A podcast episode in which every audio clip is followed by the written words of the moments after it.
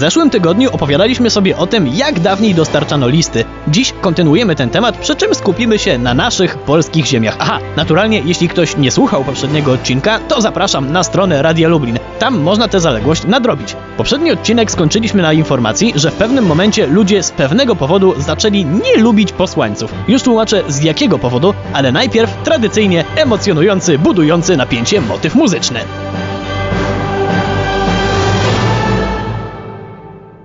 No i pięknie. To teraz przejdźmy do właściwej kwestii.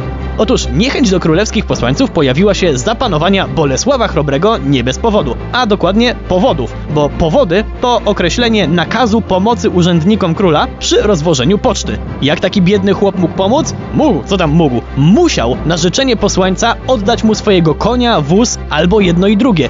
Jasne, że to się ludziom nie podobało, więc żeby im dać do zrozumienia, że nie mają wyboru, wprowadzono surowe kary. Jeśli ktoś nie oddał posłańcowi tego, co powinien, to albo lądował w więziennej wieży, albo płacił taką karę, że już lepiej było iść siedzieć. Oczywiście niektórzy posłańcy bardzo szybko zaczęli wykorzystywać to prawo i podbierali chłopom konie nawet jak nie były im potrzebne, ale im też się to nie opłacało, bo kary mieli równie srogie. Z drugiej jednak strony, jeśli ówczesny listonosz wykonywał swoje obowiązki zgodnie z prawem, to miał prawo czuć się bardzo bezpieczny, bo atak na królewskiego posłańca był równoznaczny z wyrokiem śmierci.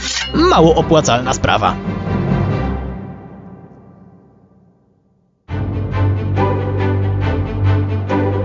Przyszedł jednak moment, w którym powody zastąpiła poczta z prawdziwego zdarzenia. Co się stało? O co chodziło? Oczywiście o pieniądze i to nie małe, bo kiedy zmarła królowa Bona, to Zygmunt August musiał się zająć spadkiem po matce. Dwa księstwa w słonecznej Italii, z którymi trzeba się było sprawnie i szybko kontaktować, żeby spadek nie czmychnął spod nosa. Był też jeszcze jeden powód. Zygmunt August chciał nas uniezależnić od poczty cesarskiej, która do tej pory przewoziła polskie listy. Nie dość, że to było zwyczajnie mało bezpieczne, żeby inni wozili nam często bardzo ważną korespondencję, to jeszcze ichniejsza poczta była strasznie wolna.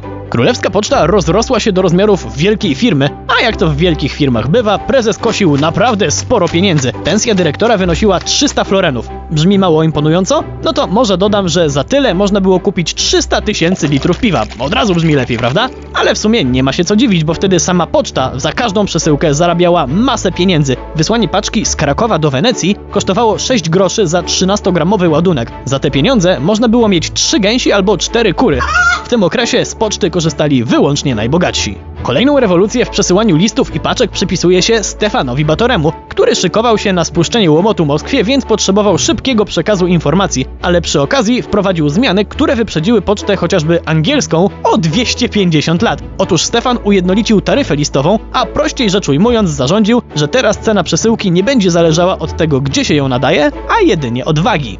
W kolejnych latach w zasadzie każdy władca, nawet Stanisław August Poniatowski, rozumiał jak ważna jest poczta. Ona sama miała też coraz więcej roboty, bo nadawanie przesyłek nie było już tak drogie jak kiedyś. Teraz za nadanie takiego samego ładunku, czyli mniej więcej 13 gramów, trzeba było zapłacić równowartość tylko 15 jajek. Z drugiej strony to powodowało, że było coraz więcej przesyłek niewygodnych dla państwa. Ktoś pewnie powie, że mogli wprowadzić cenzurę.